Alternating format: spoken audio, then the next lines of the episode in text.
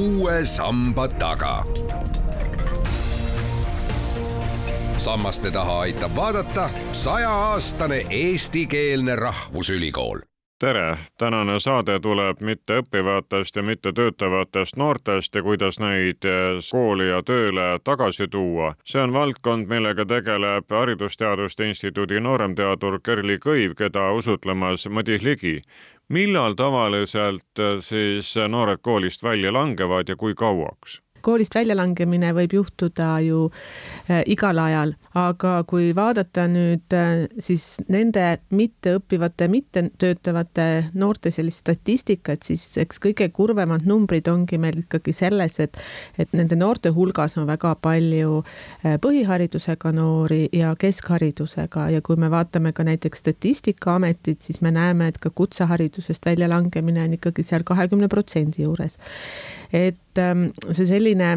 noh, peamine koolist väljalangemine toimubki siis sellel perioodil. aga kauaks keegi sellisesse staatusesse jääb, et ta koolis enam ei käi,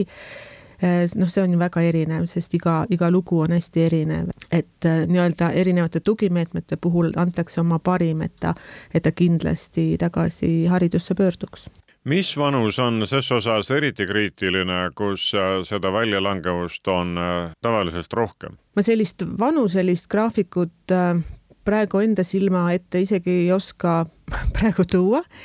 et äh, olen pigem uurinud seda, mis, mis on nende inimeste noh, taust ja, ja see taga, see lugu, miks ta sellesse on sattunud. aga kui mõelda ka, kas, kas mehed ja naised, kas tüdrukud, poisid on võrdsed selles staatuses, siis seal ka väga suuri nagu erinevusi ei ole aga kindlasti on kõige murettekitav ka selline kuusteist kuni kaheksateist, kakskümmend see vanus, et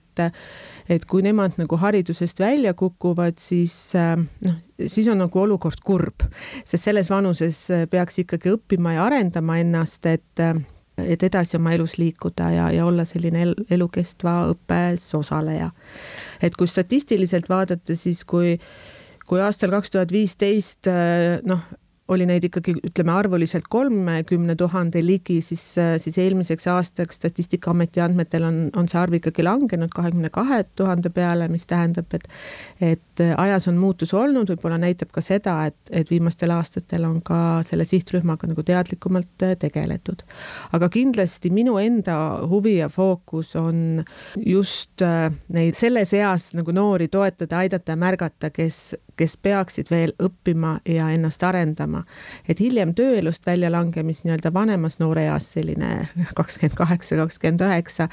äh, võib ka juhtuda, aga seal on juba vaja oskusi, et nende muutustega toime tulla. selleks, et neid noori aidata uuesti õige tee peale, on vaja teada põhjusi, miks ta siis äh, koolist äh, on välja kukkunud või töölt ära jäänud, mis tavaliselt välja joonistub? suures osas tulevadki sellised kas perekondlikud põhjused, mis on selle staatuse taga, et kas ei ole vanematel vanemate poolt tuge või ka vanemate enda hoiakud õppimise suhtes on, ei ole niivõrd toetavad ja, ja ka eks olukord on ka see, mis toimub ka õppetöös endas, et äh, jäädakse maha, ei ole piisavalt äh, tuge ja märkamist ja, ja teinekord äh, võib ka haridusasutuses see õige hetk olla maha magatud, millal seda noort nagu märgata, et tekivad koolisisesed konfliktid, kaob motivatsioon ära ja kui sinna tuleb veel juurde see, et kodutuge ei ole, et siis, siis on see kerge tulema aga muidugi ka on tehtud uuringuid, mille puhul nagu on vaadatud, et millises olukorras on see risk jääda sellisesse olukorda nagu mitteõppiv või mitte no, mittetöötav noor. et siis äh, ühelt poolt äh, tulebki see, et äh, ka erivajadused, sest me räägime vanusest kuusteist kuni ütleme kakskümmend üheksa, tulevad erivajadused, et see tõstab ütleme nelikümmend protsenti, et alati ei ole need võimalused nii mitmekesised või siis on siis sisserändamise taustaga, noh, samamoodi see vanemate lugu, millest ma juba rääkisin ja, ja noh, muidugi on ka näha see, et need noored, need noored inimesed, kellel on põhiharidus, siis nende tõenäosus olla ühel päeval mitteõppiv, mittetöötav noor, see tõenäosus kasvab kolm korda võrreldes siis kõrgemate haridustasemetega. ja, ja maapiirkonnad, et, et seal on selline pooleteisekordne, kordne risk, samamoodi võimaluste võib-olla puudumise tõttu, sest ka kui valida ka kutseõppevõimalused, siis need on ka piirkonniti väga erinevad ja, ja kui pere tuge pole taga, siis võivad noored sattuda õppima erialasid, mis neid ei köida ja siis kaob ka see motivatsioon ära kas te võtate nii ka välja, et kui noor on näiteks koolist välja kukkunud ja ta siiski leiab endas jõudu ja, ja aidatakse ta uuesti üldhariduskooli tagasi, kas siis võib teda tabada sama saatus näiteks ametikooli aegu? sellist äh, statistikat äh, ma ei tea, et äh, ei ole lugenud, et sellist, seda oleks, aga mis kindlasti on nagu võib-olla minu huvi fookuses ongi see nende äh, mitte niivõrd äh, jälgida ainult seda, et kas ta nüüd tuleb sellest staatusest välja ja läheb nüüd õppima tagasi või tööle tagasi, vaid see, et kui me teda toetame tagasi, et me oleme ka tema nii-öelda vastupanuvõimet erinevatele muutustele tugevdanud, et ta ei, ta, ta ei lange tagasi. et kui ma ise olen kuus aastat ähm, siin ennem ülikooli nii-öelda töösse tulemist olen ka äh, sellise spetsiaalse programmiga tegelenud, mis äh, mitteõppivate ja mittetöötavate noortega tegeles, siis noh, tegelikult ka seal me nägime, et nad, üks hulk ikkagi noori, ta, ta langeb tagasi, et ta vajab sellist pikemaajalist tuge või siis spetsiaalseid või mingisuguseid sekkumisi, mis, mis aitaksid tal no, muutustega toime tulla et see on see üldpädevuste koht, noh, mis on see minu enda eriline huvikoht. mis aitab kõige paremini uuesti ree peale saada? kõigepealt on vaja taastada paljude noorte puhul ka usaldus Äh, nii riigi, nii süsteemi kui ka täiskasvanute osas. ja, ja õnn on, äh, kui noorel tekib võimalus saada selline usaldusväärne kontakt, kas siis äh, noorsootöötajaga, sotsiaaltöötajaga, sotsiaalpedagoogi või juhtumikorraldajaga, kes aitab tal seda usaldust täiskasvanu vastu või süsteemi vastu siis tõsta ja, ja viib ta kokku, viib ta kokku siis selliste mm, heade spetsialistidega, sest tegelikult noored on ju väga erinevad, et kes vajab sellist psühholoogi tuge, kes hoopis eh, on tal meditsiiniprobleemid eh, või, või ongi tal eh, lihtsalt suur motivatsioonipuudus, et, et kõikide nende küsimustega tuleb tegeleda ja on kergemaid lugusid, on, on keerulisemaid lugusid, aga aitab kindlasti inimese tugi ja kindlasti, kui me selle toe jooksul suudame anda noorele selliseid positiivseid kogemusi, positiivseid õpikogemusi, ehk tal tekib selline eneseusk või ta suudab juba ära määratleda, mis teda huvitaks ja ta, ja ta suudab nagu oma iseenda huvidele vastavalt edasi liikuda. Et see kindlasti aitab ja, ja lisaks siis ka see, et me suudaks ka erinevaid toimetulekuoskusi, enesejuhtimisoskusi arendada.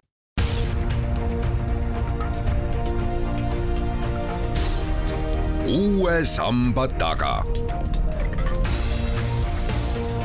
sammaste taha aitab vaadata sajaaastane eestikeelne rahvusülikool. Kenli Kõiv, kui kaua tuleb aidata, selgitada, rääkida, veenda, turgutada, et äh, noor inimene võtaks kõike seda ka kuulda ja teeks nii, nagu soovitatakse? Euroopa Liidus on noorte garantii äh, nii-öelda programm, kus on ka siis sellised määratletud ära need ajapiirangud, äh, kui pikalt peaks nende noortega töötama, kes selles programmis osalevad ja seal on siis ära määratletud, et nii-öelda selline standardaeg on neli kuud. ja kui ma vaatan ka tagasi sellele kogemusele, mis mul nii-öelda praktikuna oli, siis eks ta keskmiselt sinna umbes jääbki. Umbes neli kuud töötades, noh, noorega töötades on ta valmis äh, sellist muutust oma ellu taas võtma, aga on ka keerulisemaid ja nendega läheb kauem ja mõne noorega võibki olla lausa pool aastat on selline kontakti loomise faas veel, et ennem kui ta avaneb ja hakkab jagama, mis teda päriselt nagu huvitab. Edukuse protsent, noh, vaadata sellele, mis äh, tänane praktika ütleb, ma arvan, et ta jääb sinna kuuekümne, seitsmekümne juurde, et äh, neid ära tagasilangejaid on ikka veel, et selliseid pikaajalisi. aga see toetamise edukus, noh, on täiesti olemas, kui teadlikult tegeleda. aga ühiskonnale on loomulikult väga oluline, et, äh, et inimesed on ennast teostavad ja, ja ka ühiskonnale kasulikud, lisaks sellele, et nad on ise õnnelikud ja terved jah, sest eh, eks see tagasitulemine anna ikkagi usku ja annab ka vundamendi ja majandusliku kindluse, et sa suudad elus läbi lüüa, mitte ei ole ülalpeetav. see ühiskonnale tervikuna on see ääretult oluline, indiviidist rääkimata veel jah, just ja ja see jah, see eneseteostuse ja õnnelikkuse määr on kindlasti olulisem, kuigi on tehtud ka äh, majanduslikke arvutusi ja aastast kaks tuhat kaksteist äh, küllaltki vana materjal, aga aga ütleme, siis oli välja toodud, et, äh, et need kulutused selle sihtrühmale, kui neid on seal kolmkümmend tuhat, oli pea kaks protsenti SKP-st, et selles mõttes, et et see kadu nagu on päris suur, et seetõttu ka huvi kindlasti ka Euroopa Liidu tasandil sihtrühmaga tegeleda ühed on siis Euroopa meetmed, teised riigi omad ja omavalitsused lisavad siin oma ka, sest igal tasemel on ju neid eh, teie kolleege, kes siis tegelevad nendega, kes on koolist välja langenud või kes ei leia tööotsa ja Eestis on meil noh, selles mõttes päris,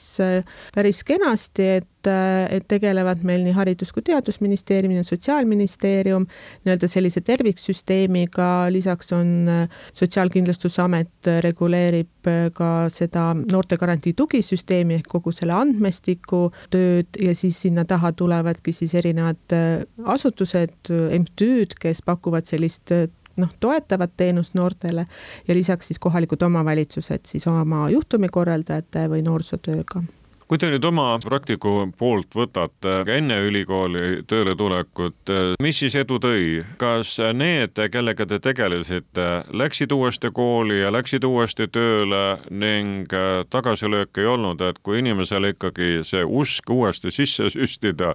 ja veendumus ja panna ta elurada pidi käima, et siis ta sinna ka jääb või tuleb hiljem ikkagi ka veel mingeid ärakukkumisi? Tuleb ikka selles mõttes, et kui on see võimalus, et tegemist on nende noortega, kellel, kellel neid äh, nii-öelda takistavaid asjaolusid on vähem ja mida suudab siis äh, kas äh, näiteks mitteformaalne õpe ja selline individuaalne töö aidata, leida see sisemine motivatsioon edasi liikuda, siis, siis seal on kindlasti positiivsed tulemused kiiremini tulemas. aga kõik need olukorrad, kus noorel on väga palju erinevaid probleeme, alates vaimsest tervisest äh, kuni sotsiaalsete probleemideni kodus, siis see vajab nagu hästi paljude erinevate spetsialistide noh, koostööd ja, ja need võtavad rohkem aega ja, aga ka seal on selliseid positiivseid lugusid, et, et kindlasti ei ole ühtegi sellist noh, selles mõttes see mul praegu küll oma hinnanguline, aga, aga et oleks nüüd esile tulnud mingi kindel grupp, kelle puhul on tagasilangemine kindlasti rohkem kindlustatud, et selles osas mul tõendeid ei ole te nüüd äh, ülikooli inimesena, õppejõuna saate siis õppida, mida need noored on elult õppinud ja kuidas nad saaksid edasi õppida, kui seda sõnamängu kasutada? jah, just, et, et selle, et ma võtsin ette ka sellise oma teadustöö suuna selle sihtrühma toetamiseks, oligi tulnud kogu sellest praktika äratundmisest, et me ei saa ainult mõelda sellele, kuidas kuidas statistiliselt ilusam on või et kuidas siis noor saada tagasi tööle või kooli, vaid me peame pöörama tähelepanu ka sellele, et ähm, noh, mida me selle toetamise ajal teeme ja tegelikult ma nägin ka ära selle, et meile, meie spetsialistidel ei ole nii-öelda instrumente, millega töötada, pole meetodeid. ainuke meetod on nemad ise, tema nii-öelda motiveeriva intervjueerimise oskus, tema coaching'u oskus, coach'iv lähenemine ja kõik see, et ainuke selline tugev instrument on tema ise. ja sellega said, saavad need spetsialistid väga hästi hakkama, aga kui tal on vaja võtta appi veel täiendavaid äh, nii-öelda tegevusi või meetmeid, et, et seal on pisut sellist puudujääki. Ja seetõttu äh, ma soovisin tuua selle sihtrühma teema rohkem haridusvaldkonda, kui noh, ta on hästi palju olnud siiani sellise sotsiaalvaldkonna fookuses, aga tuua ka ta haridusvaatesse, et tegelikult tegemist on noorte inimestega, kes peaksid õppima, ennast arendama ja, ja õppimine peaks kujunema nende normaalseks elu osaks, nad oleks elukestvas õppes kogu oma elu. et kui me haridust arendame ja sellist äh, enesejuhtimist ja ennastjuhtivat äh, toimimist äh, arendame nagu haridusasutustes, siis me oleme võib-olla ära unustanud selle, et need noored on ka väljaspool haridusasutusi samasugust lähenemist noh, vaja ja väärt, et mis siis saab siis sellest noorest, kes on koolist välja langenud, et kes temal aitab nüüd neid samu uusi õppimist toetavaid meetodeid arendada. ja, ja siinkohal siis oli, ongi ma võtnud endale fookusesse selle, et, et luua selline hindamisinstrument enesejuhitud õppimise oskuste arendamiseks ja ka sekkumismeetod, et aidata siis neid imelisi spetsialiste, kes, kes annavad endast nagu parima nende noorte toetamisel aga mida näitab teiste maade kogemus, milleks me peame valmis olema, et kas selline äralangemine siis koolist ja töölt on järjest suurem ka teistes riikides, kuigi te algul siin viitasite, et nüüd koroona ajale vaatamata on meil isegi need numbrid õnneks vähenenud.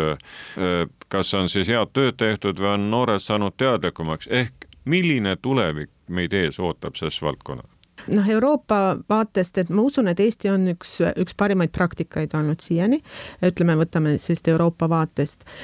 Ja kui ma hiljuti eelmisel nädalal olin, olin ka ühel rahvusvahelisel konverentsil, siis seal toodi ka välja seda, et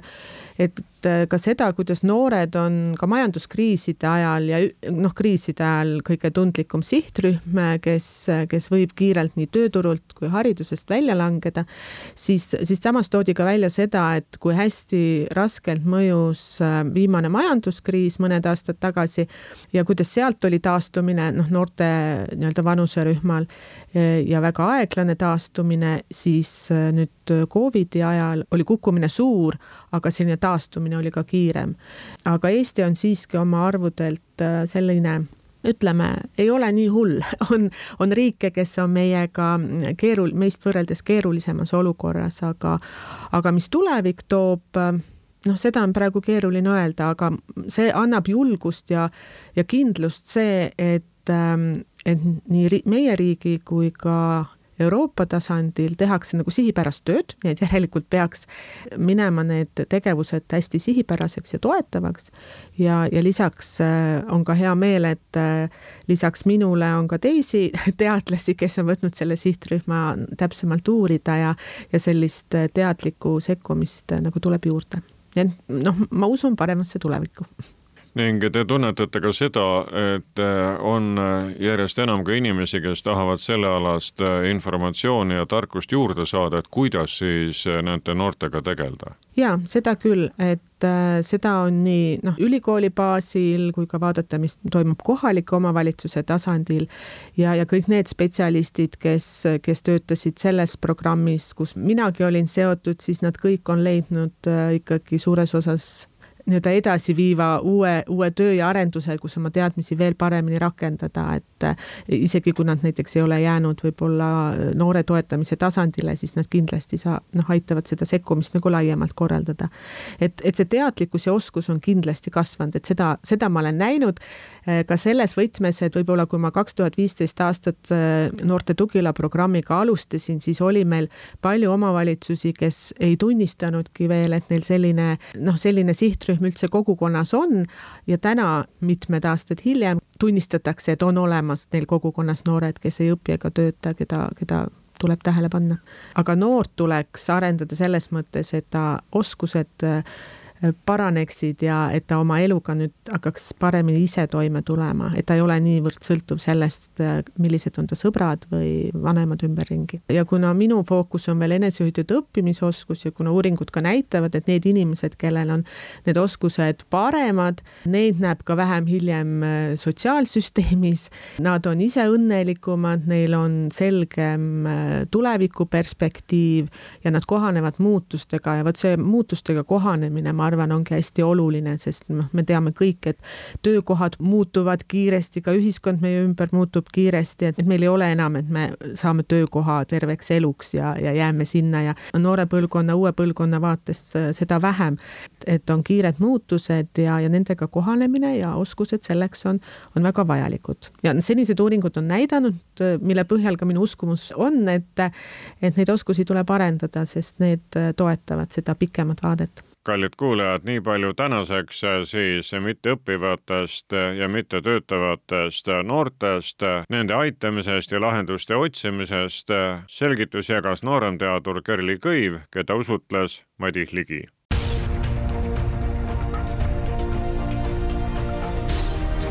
uue samba taga. Sammaste taha aitab vaadata sajaaastane eestikeelne rahvusülikool